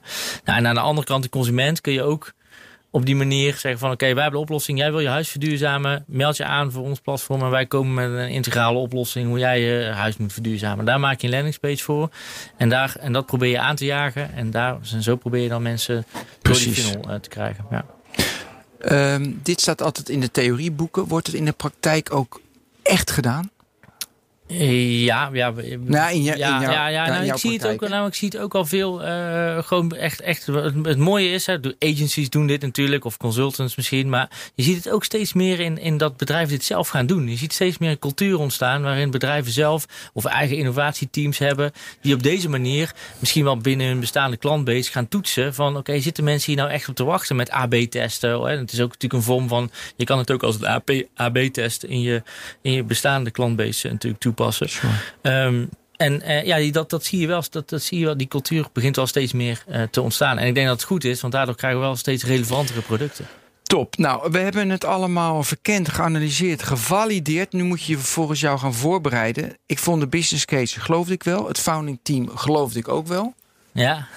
ik bleef hangen bij de roadmap. Want ja. Oh ja, dat hebben we eigenlijk al gehad. Weet je, of de shelf ja. zelf ontwikkelen, ontwikkelen met een partner, wanneer wat te doen. Hadden we daar ja. voldoende uh, antwoord ja, we kunnen, zo kunnen, kunnen toepassen op onze case. Hè? Van, ja, zou je dit nou eh, met een SaaS-product uh, kunnen... Uh, nee, het is te specifiek kunnen, volgens mij dit. Maar ik denk dat het al redelijk specifiek is. Ja, Zeker dit ook, moet zelf. Dus kijk, die SaaS-producten, wat die, wat die natuurlijk aanbieden is van... oké, okay, je hebt de aanbodkant, dus laat gewoon bijvoorbeeld de aanbieders zichzelf inschrijven. Maar vervolgens heb je natuurlijk hier heel specifiek te maken met... ja, wat komt er nou bij kijken op het moment, bijvoorbeeld voor zonnepanelen? Hoeveel ruimte is er op jouw dak? Nou, dan moet je dat gaan berekenen. Hoeveel panelen erop kunnen, om een offerte te kunnen maken, et cetera. Nou, dan krijg je al heel specifieke informatie... die in zo'n SaaS product zit dat gewoon niet. Dan moet je al maatwerk eh, gaan maken. Dus dit geeft ook weer aan hoe snel je best wel eh, binnen deze ja, binnen die, die marketplaces op, op, op, op maatwerk uitkomt, zeg maar, maatwerkoplossingen. En dan is nog de vraag, uh, ook wel een terechte vraag, ja, ga je zelf je eigen team bouwen en ga je het zelf maken of, of, ga je dat met een partner doen? Ja, ik denk altijd wel dat je Um, uh, ja, rond agencies hangt vaak natuurlijk uh, een, een, een um, ja, er hangt niet een zweem over van dat ze alleen maar uurtje factuurtje werken. Maar ik denk juist dat, ze, dat daar heel veel kennis zit. Dus je kan heel snel een kickstart maken. Uh, en als je een eigen team hebt, moet je het allemaal zelf, moet het allemaal zelf uitvinden. Wat ook prima is natuurlijk. Um, maar misschien is het wel in, in, de runway is korter als je gewoon de kennis inhuurt en gaat gewoon. En uiteindelijk ben ik er wel van overtuigd dat je software is uiteindelijk je kerncompetentie, hè, want je bent een platform. Ja. Dus moet je het in huis halen. Het heeft uiteindelijk. Ook, uiteindelijk moet je het altijd in huis Sta halen. ik helemaal achter. Ja, en, en IP, hoe, uh, hoe doen we dat? Daarom is het ook om alles in huis te hebben, heb je alle IP. Ja, ook. Met dus, dus het, ja, in principe is het, moet je er natuurlijk voor zorgen dat dat van jou is. Weet je wel? Dat wat je maakt. Uh, Precies. Uh, moet je gewoon mee kunnen nemen. ja. Weet je, en dat is nu bijvoorbeeld bij Young Ones doen we dat ook. Hè. Zij, maken, zij hebben nu een eigen ontwikkelteam. En wij ja, hebben gewoon een handover naar hun team. En, en, zij, en zij trekken het verder. Uh, en dan heb, je echt een, ja, dan heb je echt een nieuwe business gebouwd. Ja, jouw businessmodel wordt daardoor wel magerder. Ja, nou, ben ik mee eens. Wij, wij moeten continu hè, kijken van waar kunnen we aan de voorkant helpen. En je, je bent veel minder, uh, kan je, kan veel minder leunen op... Uh, um, uh, uh, zeg maar, ja, steeds terugkerende... Ja, recurring revenue. Uh, ja, recurring revenue. Ja. ja.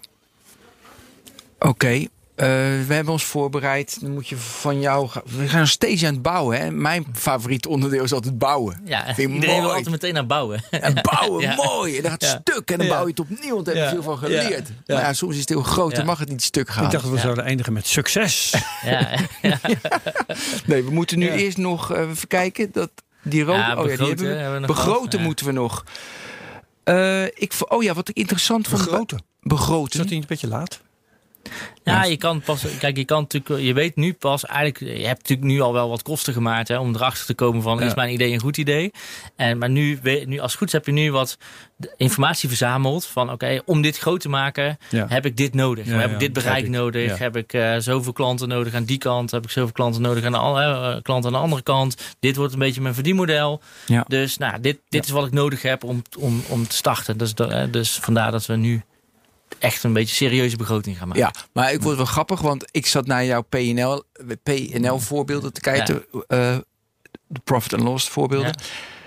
En wat mij wel opviel, eh, thuisbezorgd had een hele andere PNL. Ja. Die had een hele klassieke, netjes wat inkomsten, nou, je Ja. wat kosten, nou, dan houd je wat over of niet. Nou, maar na twee, drie jaar Ja. hou je wel wat over. Nou, bij, eh, dat hebben ze allemaal niet gedaan. Dus mijn vraag is, waarom zo, zo, zo traditioneel en Ja. niet alleen maar op de groei? Geld ophalen, nog meer in die Ja. kosten beuken, want je moet Ja. Ja, marktdominatie. dat is een beetje de, we hebben hier heel lang discussie over gehad. Ik en Joost ook van ja, welke, wel, welke Joost, weg kiezen. je- nu in, hebben we nog niet. ik heb het samen met eh, Joost geschreven. En hij is ook een van de founders van Werkspot. En ook eh, een van de founders van, eh, van, van Freshhead, zeg maar. Ehm, dus ja, we hebben het samen geschreven. Dus, eh, Oh, ja, we hebben, maar je had een eh, discussie met Joost?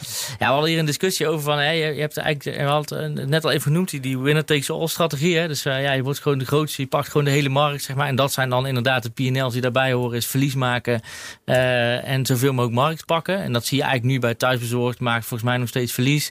Eh, Uber, nou ja, heeft wel eens een keer, volgens mij, ik weet niet of ze ooit al een keer zwarte cijfers hebben Volgens mij gedraaid. niet hoor. maar, Nee, eh, nee. Gaan ze ook nooit doen. nee, nee dus, eh, dit- maar die, die, die hebben echt een andere strategie. Hè. We echt gewoon eh, eh, ja, die, die markt. Wanneer kies je die strategie en wanneer kies je jouw keurige Nederlandse PNL Ja, precies. Dat heeft, het heeft denk ik vooral. Kijk, wij hebben het boek natuurlijk geschreven echt voor praktische mensen die gewoon denken van eh, die niet de ambitie hebben om bij wijze van spreken, nou ja, mag voor mij best, maar er zijn er maar heel weinig die dat lukt om echt zeg maar weer eh, de Uber eh, van hun markt te worden, zeg maar. En dat is een prima ambitie, maar de realiteit is gewoon zeker hier in Nederland anders, weet je wel. En de realiteit is dat je uiteindelijk kun je best wel investeerders vinden, maar, maar na een jaar of vijf, zes, dan, dan, dan is het wel tijd om een keer eh, eh, eh, zwarte cijfers te gaan draaien. Dus dat impliceert dat jij zegt in Nederland bouw nooit een marktplaats waarbij je, nou ja, thuisbezorgd is het ook gelukt. Ja, tuurlijk, het kan wel. En, en ik vind het ook een heel mooie ambitie. Maar tegelijkertijd zit er, zijn er ook nog heel veel kansen voor marketplaces. Oké, je gaat die, die, daar, net naast die, zitten. Die, die daar net naast zitten, weet je wel. En, en, en ik denk eerder dat het, dat het een. Een eh, eh, dat het toeval is als het zo groot wordt, zeg maar. Ja. En, en, en eh, dat, het, dat je tot die tijd gewoon heel reëel een onderneming kan bouwen op basis van een marketplace model. Ja. Oké. En dat is misschien wat minder sexy. maar Ja, het Ja, is veel flauwer. ja, Het is minder spannend. Ja, Maar en soms- tegelijkertijd bijvoorbeeld, eh, ik kijk dan toch even naar, naar onszelf met, met Werkspot. Dat is een hartstikke mooie business eh, die daar nu staat, zeg maar. Je schreef ergens wel, eh, dus wat was dat werkspot? Is al 13 jaar een start-up. Waarom moet dat 13 jaar een start-up Ja, zijn? dat is nu de huidige eh, CEO die dat heeft gezegd in Waarom? het interview. Eh, ja, daar kun je ook eh, over discussiëren. Zij waren, zij, zij waren eh, zeker ten tijde van het interview ook echt nog steeds op zoek naar het juiste businessmodel. Wij hadden een abonnementenmodel. Toen is Werkspot verkocht. Toen zijn ze, wilden zij meer naar transactioneel. Logisch, want dat, die stap moest echt wel gemaakt worden. Alleen transactie in, eh, eh, ehm, ja, zeg maar, dit zijn vrij grote transacties. En het na- nadeel van marketplace is dan natuurlijk dat mensen het platform willen gaan omzeilen. Dus die Ja. transactie niet via het, ja, dus niet op het platform plaats willen laten vinden. Ehm, en zij hebben er dus uiteindelijk voor gekozen om dat dus te voorkomen. Om te zeggen, oké, wij worden toch meer een soort van lead eh, generatiemodel. Dus wij leveren betaald leads aan eh, aannemers. Eh, en die koop je gewoon. Je koopt gewoon leads dus. En, als, en, en dan ga je proberen daar zelf een opdracht uit te halen, zeg maar. Maar dus ze zitten dus niet op een percentage eh, van de bouwsom. En dat is Ja. een bewuste keuze. En dat zie je vaak bij platformen waar dus grote transacties plaatsvinden. Waarbij het loont om buiten het platform om uiteindelijk die deal te maken. Is dat zij dus toch andere, andere verdienmodellen ehm, ehm, moeten kiezen, zeg maar. Daarom is Peerbean natuurlijk ook lastig. Ja, en, en, en Peerby is ook in die zin. Die hebben nu een nieuw model. Hè. Die hebben nu hebben een nu abonnementenmodel, een access model. Ah. En ze hebben net een nieuwe investering opgehaald. eh, voor eind vorig jaar ook volgens mij. En zijn dus nu naar een soort van je betaalt als consument gewoon een vast bedrag per maand. En dan heb je toegang tot al die eh, Ah. ehm, eh, ja, zeg maar producten. En gaat goed? Ja, het is al eventjes geleden dat ik Daan heb gesproken. Ik, ik denk dat dat, ja, dit is weer een nieuwe poging. En eh, ja, het is alleen maar bewonderenswaardig om te, hè, om te zien hoe. Kijk, zij zijn dus ook al, al 15 jaar een start-up, zeg maar. Of misschien 10 jaar. Ik weet niet hoe lang Daan precies bezig is. Maar. eh, ehm, en eh, ze, ze blijven zoeken naar het juiste verdienmodel. En ergens is het nog steeds Ja. een heel mooi streven, zeg maar. En ook heel logisch wat ze proberen na te streven. Ook alle maatschappelijke ontwikkeling, het, het hele plaatje klopt. Maar op de een of andere manier lukt het niet om daar een goed verdienmodel aan te koppelen. Peerby, dat is toch eh, dat je elkaar grasmaaiers leent Ja, en zo, hè? ja, lenen van Ja, oké. dus, Ja. nou ja. ehm, en boormachines. Ehm, dus eh, om daar toegang te krijgen, moet ik een abonnement betalen. Ja. Eh, en als, als ik spullen wil uitlenen, dat doen mensen gratis aan elkaar. Hoe werkt dat? Ja, dat durf, in het nieuwe het verdienmodel gaat. durf ik even niet precies te zeggen hoe dat zit. Hè, of, of, of, en of dat je daar dan bijvoorbeeld iets voor krijgt. Hè. Ik, denk, ik kan me zo voorstellen dat je daar wel een soort van dan iets aan kan verdienen. Eh, Ja, dat is- maar dat precies. is misschien ook Dat is niet... meteen een vraag die ik dan heb. hè, Of dat dan ook ja, via een maar ik denk dat het abonnementenmodel een gaat. keuze of- is, denk ik. Maar, maar Ja. ja. ja, of dat in het abonnementenmodel geïntegreerd is, is een goede vraag. Dat eh, durf ik niet te zeggen. Dat is interessant, hè, dat al voor die verschillende services een ander model moet komen. Anders gaan mensen omzeilen of het is Ja. transactie. Of Ja. Ja. Maar dat is dus ook, daarom maakt het ook zo ontzettend. Ja, ik, ik vind het daardoor dus zo onwijs boeiend, zeg maar. Dus als je er even induikt, dan kom je dus allemaal tegen dit soort problematiek Elke markt, dan aan. elke markt weer anders. elke markt is anders. En dat maakt Ja. het dus ook lastiger. En, en, eh, om, het, om het te zeggen van oké, dit is gewoon één SaaS-productje waarin je Wat is nu, de. Spearbeat doet nu de abonnement, is nu de nieuwe hoop. Eh, hoe doen ze het als jij schoonmaaksters via een platform, zo'n zo'n appje bestaat? Ja, Ja. helpling. ja, Hmm. ja. Dus hoe doen ze dat dan? Want het is ook Eh, maar één keer dat ik een schoonmaker heb en klaar bedankt. Nou, meestal Ik ook niet eh, eh, hoe het precies werkt bij Helpling. ik denk wel dat je daar gewoon vaste, steeds op vaste basis zeg maar, mensen Hmm. inhuurt. En volgens mij ook zoveel mogelijk dezelfde mensen. Ja, hier, daar speelt natuurlijk ergens de discussie, maar daar wilden we vandaag een beetje bij wegblijven. Is natuurlijk Ja. van ja, zijn die mensen nou in dienst bij Helpling of zijn, het, of zijn ze Uber. zelfstandig? Delivery. de- Ja, nee, Deliveroo rechtszaak is Deliveroo natuurlijk is gisteren rechtszaak. geweest. Ja, dus en, en, en nadeel van Deliveroo Eh, besloten. Gisteren was Ja. het trouwens 17 Ja. februari. 17 In het nadeel van februari. Deliveroo besloten. Ja, Ja. ja. ja. Dus, Dus, da, dus werknemers de, dus. de rechter zegt, zij zijn Ja, dus zijn gewoon een werkgever. Ja. Eh, eh, en, die, en die mensen zijn geen, geen eh, zelfstandige ondernemers. ja, dus dan is het geen marktplaats meer. Nee, in principe niet. Want zij zeggen dus eigenlijk van... Jij wordt gewoon ingedeeld op een bepaalde klus tegen een vaste prijs. En dan vindt er Ja. dus eigenlijk ook geen onderhandeling meer plaats. Dat is eigenlijk wat de rechter ook heeft gezegd. Hè, er vindt hier geen onderhandeling plaats. En, en, en dus ja, kunnen we niet spreken... Dat is ook altijd ook bij Uber het bezwaar van eh, nou ja, de, de bezorgers slash de chauffeurs. Ja. Hè, je wordt van A naar B gecommandeerd en je hebt Ja. inderdaad niks in te brengen. Ja, nou, hetzelfde, eigenlijk een beetje hetzelfde verhaal inderdaad. Dus ik denk, eh, nou goed, dat is een, dat is een, daar kun je afleveringen op zich eh, over, Vast wel. over vullen. Ja, Ja. oké. Bouwen had ik helemaal geen opmerking over. Want ja, wat is een, MV, eh, wat is een MVP? Nou, dat weten de Ja. mensen. Ehm agile, Agile, development weten de mensen ook. Dus ik vond het prima. Dus is ja, het ik wilde daar Dat is bouwen ook wel toe. grappig. Het boek heet Bouw een succesvolle marktplaats. Ja. Maar het is het kortste hoofdstuk van het hele boek. Ja, omdat, ja. mooi. Ja, mooi ja, omdat het bouwen inderdaad. eh, het gaat niet om het bouwen uiteindelijk. Ja. Weet je wel. Kijk, eh, en ik denk ook dat iedereen kan. Uiteindelijk kan iedereen het, eh, het bouwen is bijna een beetje commodity aan het worden. Dat is misschien wel gek, hè? Maar, het, eh, Ja, dat- maar omdat- activeren, dat is het volgende Ja. hoofdstuk, is niet een commodity. Nee. Want daarin moet je dus ook weer je creativiteit hebben. Eh, ja, Gaat het dan over het in de markt zetten? Ja. Of is dat, komt dat later dat mensen pas? het uiteindelijk ook gebruiken. Ja, Ja, precies. Ja. Ja. Ja. Ehm, dus wat, wat wel werkt met activeren en wat niet. En welke tools je kan inzetten om eh, inzicht te geven in het activeren. Ja, Dus vat ik het hele hoofdstuk samen. Maar da, da, graag dat Ja, je dit- ons dit, dat dit- leert. Dit, is natuurlijk, ah, eh, dit is echt, eh, de meeste marktplaatsen gaan natuurlijk hier nat op. En dat is het, eh, uiteindelijk het bouwen van zo'n ding is dan, nou, dat, dat is het dan, weet je wel. En dan vervolgens staat het live en dan gebeurt er niks. Weet je, dat is eigenlijk eh, is, eh, een beetje de, ja, volgens mij is sterfste 9 van de 10 marktplaatsen op die manier eh, zijn dood. eh. Ja, is het zo? Ja, dat denk ik echt. Want eh, ja, kijk, uiteindelijk, hè, mensen de, in eerste instantie denken veel ondernemers dat het vanzelf gaat vliegen. Want het is natuurlijk een briljant idee. eh, en, en, er gaat, en er gebeurt gewoon helemaal niks. Activeren en, dan vervolgens zie je dat dat activeren heel lastig is. Omdat het, ja, ik zeg wel eens, het is exponentieel veel lastiger dan bijvoorbeeld een webshop activeren. Of een campagne activeren of zo. Want daar heb je gewoon een heel duidelijk verhaal. één focuspunt, dit moet je doen. Je gaat door een funneltje, begin, einde, klaar. Eh, en, en bij, een bij een marktplaats begint het pas op het moment... Je moet er sowieso al twee hebben. Weet je. Ja, je moet twee, communities. Ja, je moet eh, vraag en aanbod. Moet- En dan vervolgens moet dat, moet dat platform zijn werk gaan doen. En je kan eigenlijk pas zien dat dat, of dat platform zijn Maar werk hoe doet. ga je Herbert activeren? Op jouw platform, dat ja, we hebben natuurlijk al die, hebben eigenlijk al die smoke tests natuurlijk gedaan. En als het goed is, hebben we daar eh, heel veel dingen eh, uit geleerd. En we hebben al weten wel op welke, op welke, wij noemen dat al een propositie. Hè, dus op, op, op, op welke, eh, op welke pain eigenlijk en gain jij het hardste aanslaat. Zeg maar. Je denkt van, hey, dit gaat mij echt helpen.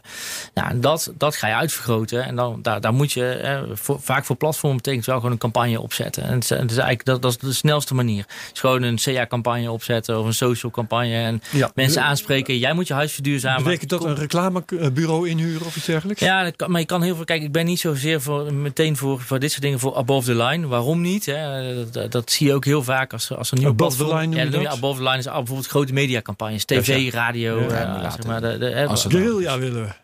Ja, ja, ja, precies. Kijk, waarom? Je moet dat vraag en aanbod in balans houden. Ja. Dus op het moment dat jij zeg maar, de massamedia opzoekt, krijg je misschien wel heel veel vraag. Krijg je heel veel herberts die een huis moeten verduurzamen.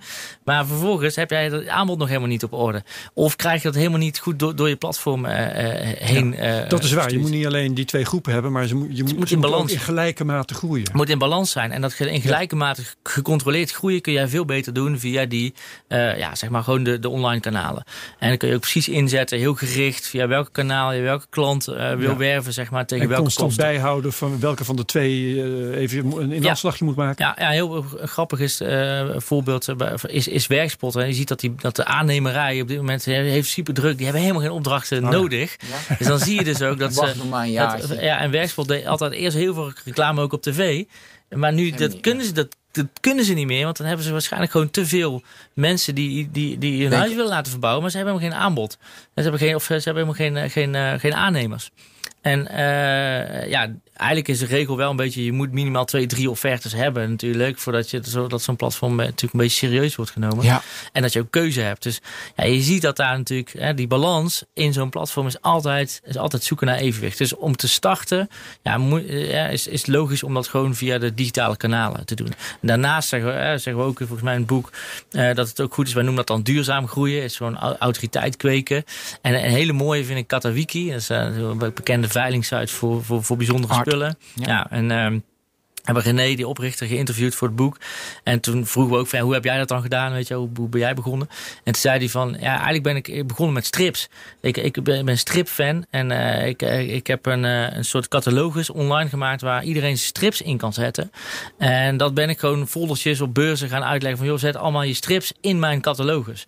En dan kan je mooi bijhouden welke strips je allemaal hebt. En vervolgens is hij daar, zei hij van, oké, en nu kan je ze ook veilen. En, en toen had hij dus al zijn aanbod, al die strips, had hij al bij elkaar van de grootste verzamelaars. En dat is eigenlijk een soort paard van Troje manier. Had hij dat van tevoren bedacht? Ja, dat heb ik dus gevraagd aan hem, want ik dacht, dit, dit heb je niet van tevoren bedacht. Maar hij zegt dus van wel dat dit is echt helemaal zijn strategie. Ja, je hebt Maar nou, nou heb je een voorbeeld van iemand die had dan eh, toevallig eh, een briljant idee. Ja. Ehm, maar ik heb dat niet.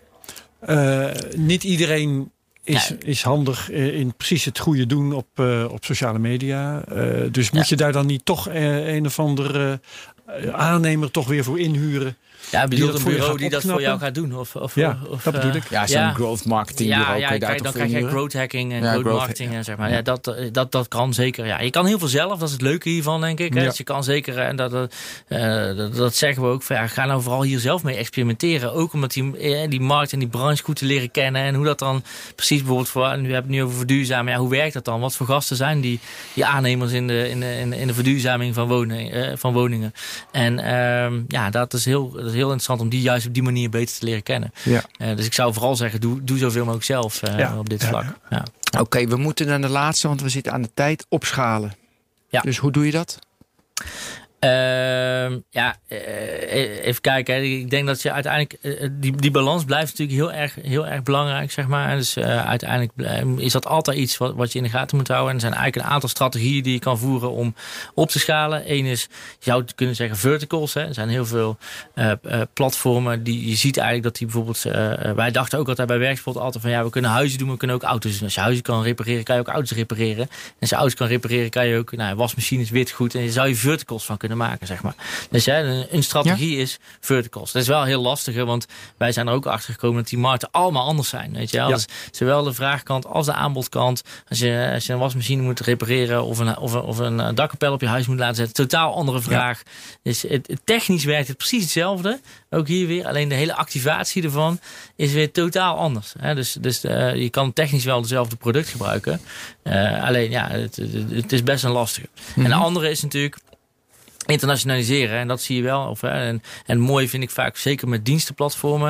Een mooie strategie is natuurlijk dat je dat heel lokaal kan, uit, eh, kan, kan, kan, kan uitrollen. Hè. Uber kan je, hè, die gaat echt stad voor stad, zeg maar. En, en, en, en Ja. dat, dat is denk ik een, een, ja, echt een win voor heel veel dienstenplatformen. Is dat je dat op die manier eh, uit kan rollen. En dat is natuurlijk een hele mooie manier van schalen. Zeg maar. Dat je Ja. het gewoon lokaal. Maar dat is ook wel eh, glad ijs, hè? want je komt natuurlijk altijd eh, in vreemde landen kom je vreemde gebruiken tegen, eh, dingen die eh, net weer anders werken. En Ja, zo. ja, ja, dus localization noem je. Dus je zult je platform Ja. ook moeten lokaliseren op, eh, op eh, die specifieke eigenschappen. Dus dan moet je toch weer, Ja. vermoed ik, in de meeste gevallen lokaal personeel inhuren bijvoorbeeld. Ja, ja, het is heel lastig om platformen. Dat, dat is ook, hè, vaak heb je wel gewoon een soort daar, daar echt een office nodig en mensen om dat dan daar uit te rollen.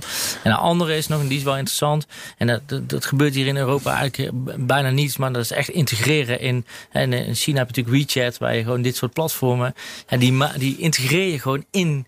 Ja, het is, dat zijn eigenlijk API's, zeg maar. Snap je? Het is, de, de- Dus je integreert jouw marktplaats Ja. in een platform als WeChat. Ja, ja maar dat, Dus daar zijn nog maar heel weinig. Kijk, we hebben wel voorbeelden. Bijvoorbeeld, we hebben een, een pechhulpdienst. eh eh, eh, Roadguard heet die, voor Centraal Beheer. Nou, die is geïntegreerd met Facebook Messenger bijvoorbeeld. Dus kan je, als je pech hebt, kan je in Ja, Messenger... Facebook wil dat graag. Die wil wel, dat WeChat achterna. Dat, dat- ja, precies. Hè. Dat, dat, hebben ze, dat hebben ze ook best wel gepusht, zeg maar. Maar dus je kan, het, het, gebeurt wel. Alleen ja, in, in Europa heeft het in ieder geval niet. En ik weet niet precies in hoe het in Amerika zit. Maar ja, heeft het echt niet de, de schaal die het, die het heeft in Azië als in Azië. Nee, dat weten we, ja. Ja, terwijl het wel heel interessant is natuurlijk. De, de, de, de- Maar goed, ja, alleen maar, alleen maar interessant als het platform zo groot is als WeChat. ja, Want dan heb je er Ja. iets aan. ja. Oké, eh, we gaan ophouden. Her- Herbert, heb jij nog een vraag? Nee. Ik wel. Laatste vraag. Oké, we wilden dus een, een marktplaats maken voor duurzaam wonen. Waarom ben je daar nog niet aan begonnen? Want we zijn er helemaal uit. Dit is de case van de wereld. ja wat, Je hebt twee, drie ton nodig. Die business case is rond. Ja, ja eh, eh, eh, ik, ik zou het, het- je, handen jeuken vaak als je dit soort business cases hoort. Ja. Van ja, daar, kan, ik- daar zou ik echt wel iets mee kunnen. Tegelijkertijd weet ik ook inmiddels hoeveel tijd en energie het kost om een bedrijf te bouwen. Zeg maar. En het is gewoon net, als- het is niet zo van nou, ik maak even een platformpje en ik ben vertrokken. Het, bouwen doen, van een business is, is gewoon echt, eh, ja, weet je wel, het kost Ja. al je tijd en energie. Eh, je weet dat het gewoon eh, ja, bijna je, je, al- je leven gaat kosten, zeg maar, als je het goed wil doen. Eh, En jij wil je leven ik- nog niet geven. nou ja, ik heb, ik heb andere dingen waar ik, waar, waar ik op dit moment mijn leven voor geef. Ja. Nee, dat is een keuze. Ja. Oké. Ja. Herbert, bedankt. Ben bedankt. Uh, Ja, Wout Withagen, bedankt. bedankt. Dit was de Technoloog 219. En ik zeg tot de volgende Technoloog.